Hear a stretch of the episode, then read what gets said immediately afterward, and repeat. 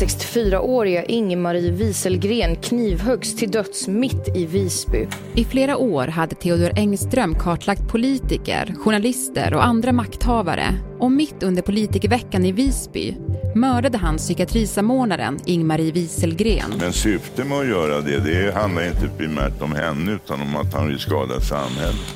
Han är åtalad för terroristbrott genom mord och nu börjar rättegången. Vi misstänker att han rekognoserade inför ett möjligt angrepp på den här målsäganden partiledaren. På en kvart får du veta hur Engström också planerade att mörda Centerledaren Annie Lööf och vad hans dåd kan få för politiska konsekvenser. Det är tisdag den 8 november. Det här är Dagens Story från Svenska Dagbladet med mig, Alexandra Karlsson. Erik Nilsson, politikreporter och Per Kudo, nyhetsreporter här på Svenska Dagbladet. Vi ska ju prata om mordet på psykiatrisamordnaren Ingmarie Wieselgren och den rättegång som inleds idag mot Theodor Engström som då har åtalats för att ha mördat henne. Först Erik, du var ju på plats i Almedalen när det här hände. Kan du beskriva hur stämningen var då? Ja, nej men det var en väldigt, väldigt speciell och jag skulle säga chockartad stämning.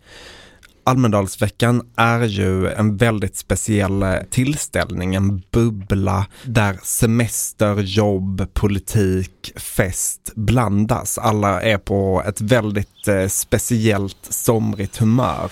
Mår ni bra? Fint väder och allt? Det är sommarkvällar som den här som vi svenskar säger Sverige är fantastiskt.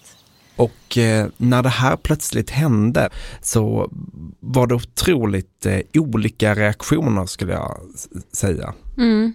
För en sak som eh, man kan tänka på så här i efterhand, det var ju att det kändes som att allting återgick ganska snabbt till någon form av normalläge. Alltså vad tänker du kring det? Ja, det var de som blev väldigt Eh, berörda av detta direkt, ville stanna hemma på eh, hotell eller var man bodde, eh, bokade om sin resa så att man kunde åka hem så snabbt som möjligt. Medan andra fortsatte nästan som innan och inte riktigt tog in det här. Eh, samma kväll så var det ju eh, så kallat DJ-battle, en stor festtillställning bara några hundra meter från mordplatsen och det var ju väldigt många som gick på det. Eh, och det är ju lätt att titta tillbaka på det och döma det och, och, och tänka att hur fan kunde ni göra det? Men, mm. men där och då var det en eh, känsla som var svår att beskriva, där man inte kanske riktigt förstod vad som hade hänt. Mm. Och du Per, i förra veckan kom ju då själva åtalet och även förundersökningen. Och det var väl då vi egentligen fick hela vidden. Alltså hur länge hade Theodor Engström planerat att utföra ett dåd egentligen? Han säger själv att eh, de senaste tre åren så har han tänkt utföra något sorts dåd i Almedalen men att eh, ja, bland annat pandemin har eh, kommit emellan. Sen är det inte helt lätt att förstå allting. Han lider ju liksom av en ganska så allvarlig psykisk störning liksom fortfarande. De, de här förhören är inte alls lätta att läsa och han säger saker som lite motsäger varandra och avbryter sig själv eh, ofta.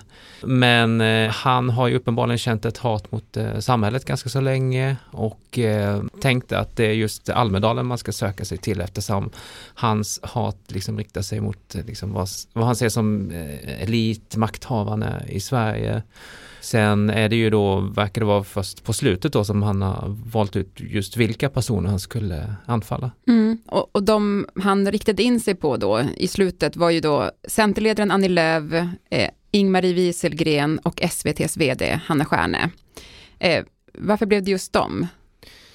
Det är inte helt klart varför det blev just eh, dem. Eh, Ingmar Wieselgren, psykiatrisamordnaren där, eh, hör ju samman med att han känner väldigt hat mot eh, svensk psykiatri. Han känner sig väldigt sviken, han har inte fått den hjälp eh, han anser sig ha behövt. Eh, Annie Lööf verkar han ju mer se som en sorts eh, lämplig så att säga, representant för politikerna i Sverige. Han säger själv att de, hon har suttit eh, länge på sin post. Hanna Stjärne, SVTs VD, verkar eh, hänga samman med ja, ett visst hat mot eh, journalister i Sverige. Liksom anser att svenska journalister gör liksom inte sitt jobb då.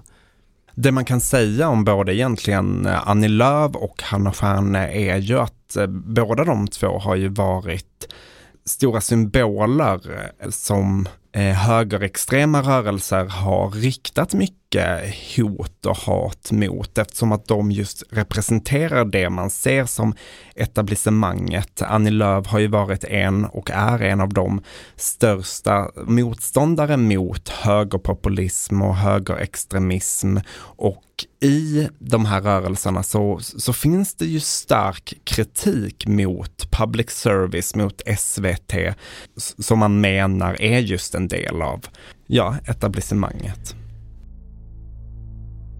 Det är en torsdag i slutet av juni som Theodor Engström köper en enkelbiljett från Oskarshamn till Visby. Snart ska politikerveckan i Almedalen inledas. Under två år har man ställt in på grund av pandemin. Men nu ska makthavare från samhällets alla sektorer samlas på Gotland igen. Tack kära vänner, det är så kul att se er igen!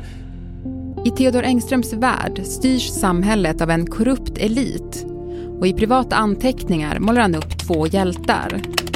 Den högerextrema terroristen Anders Bering Breivik och den rasistiskt motiverade dubbelmördaren Peter Mangs.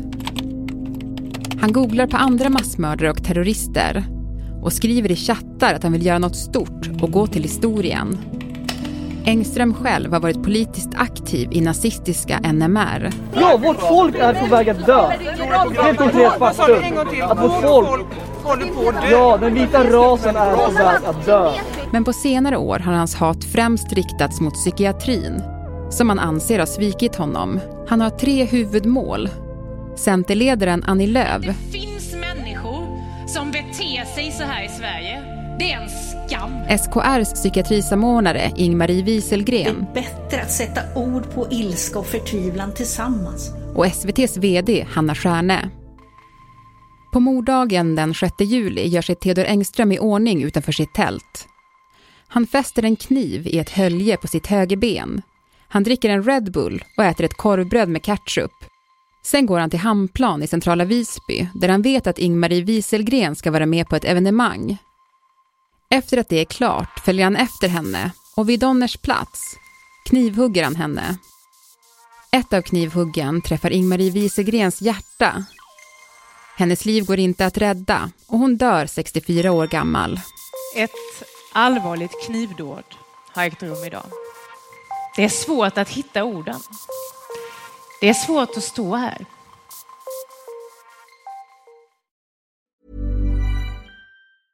Hey, I'm Ryan Reynolds. Recently, I asked Mint Mobile's legal team if big wireless companies are allowed to raise prices due to inflation. They said yes. And then when I asked if raising prices technically violates those onerous two-year contracts, they said, "What the f*** are you talking about? You insane Hollywood ass."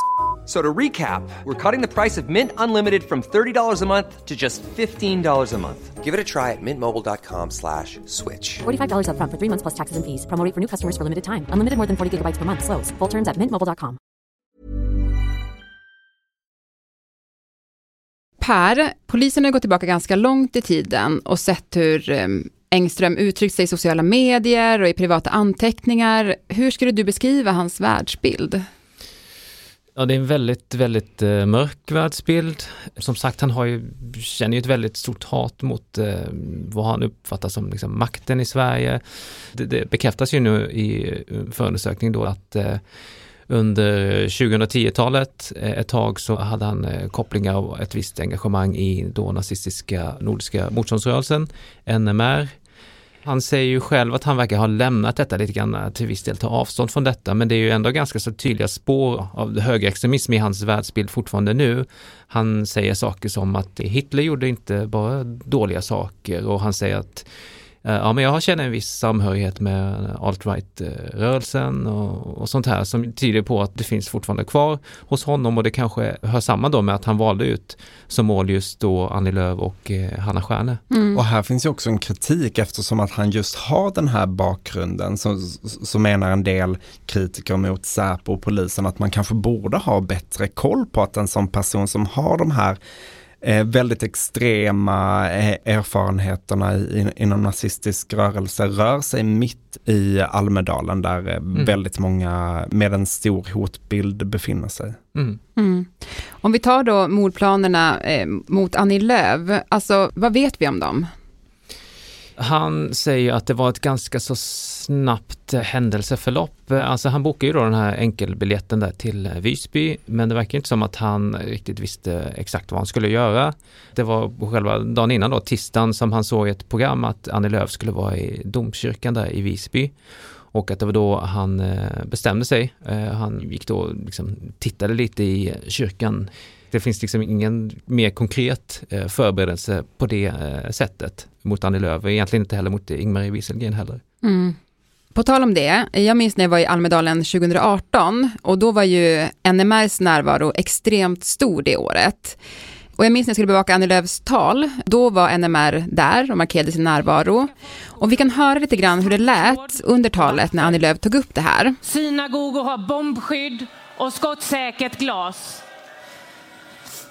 Det här är nazister som skriker nu. Nazistiska eh, nordiska motståndsrörelsen. Vi kan väl lyssna lite på dem. Så, nu har de fått talat. En detalj här Per, eh, som ju är, eh, man ryser när man tänker på den, det är att bland de här nazisterna fanns just Theodor Engström. Ja, jag håller med. Det är det Eh, känns obehagligt när man hör klippet och ser vad som framkommer i utredningen här då att polisen hittar ju då i hans dator eh, bilder som verkar ha tagits just det här tillfället av honom då från NMR NMR-sidans håll och liksom mot scenen. Mm. Och var redan då i Almedalen?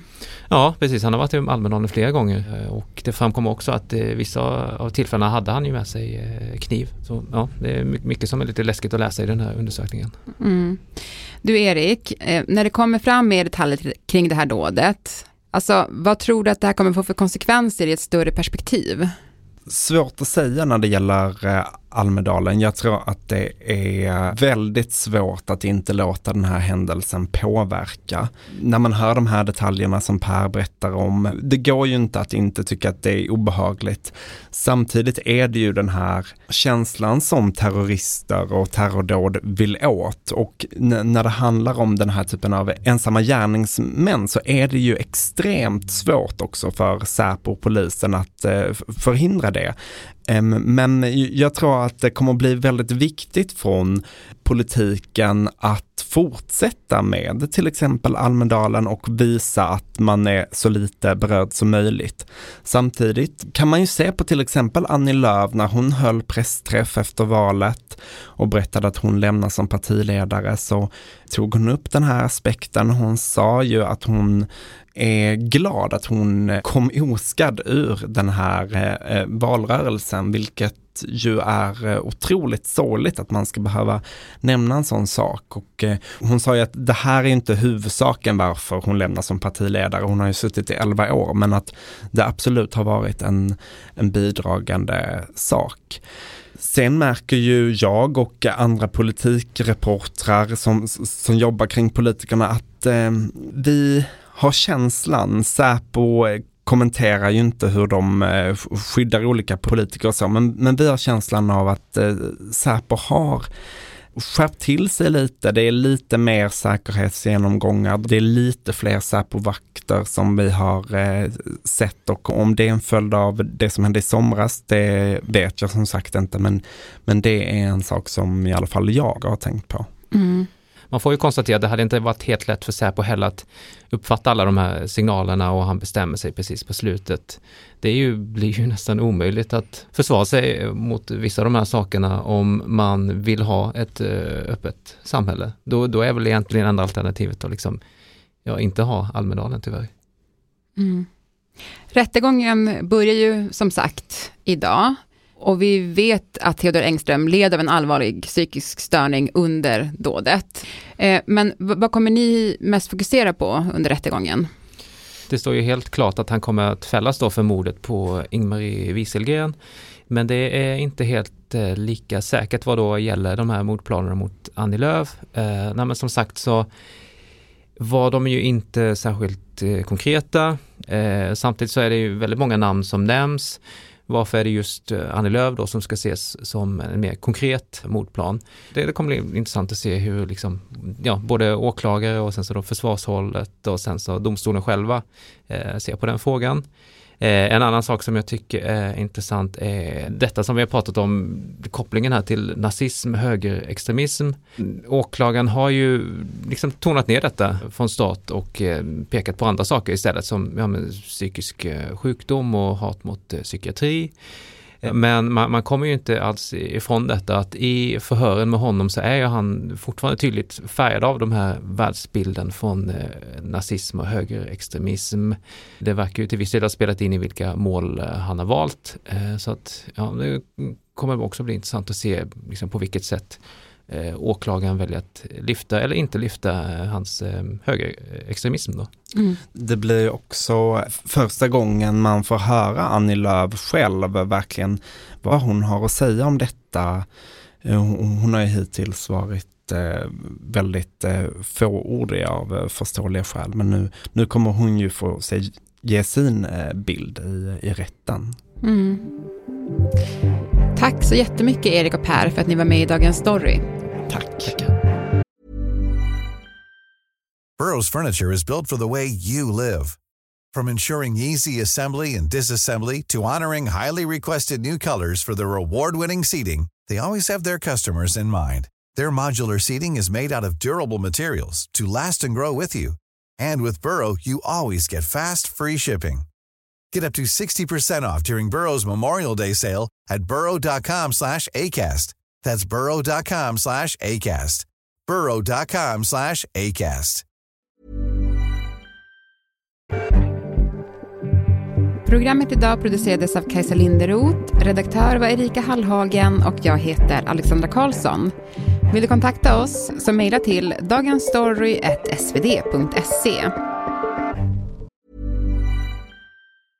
Hey, it's Paige DeSorbo from Giggly Squad. High quality fashion without the price tag. Say hello to Quince.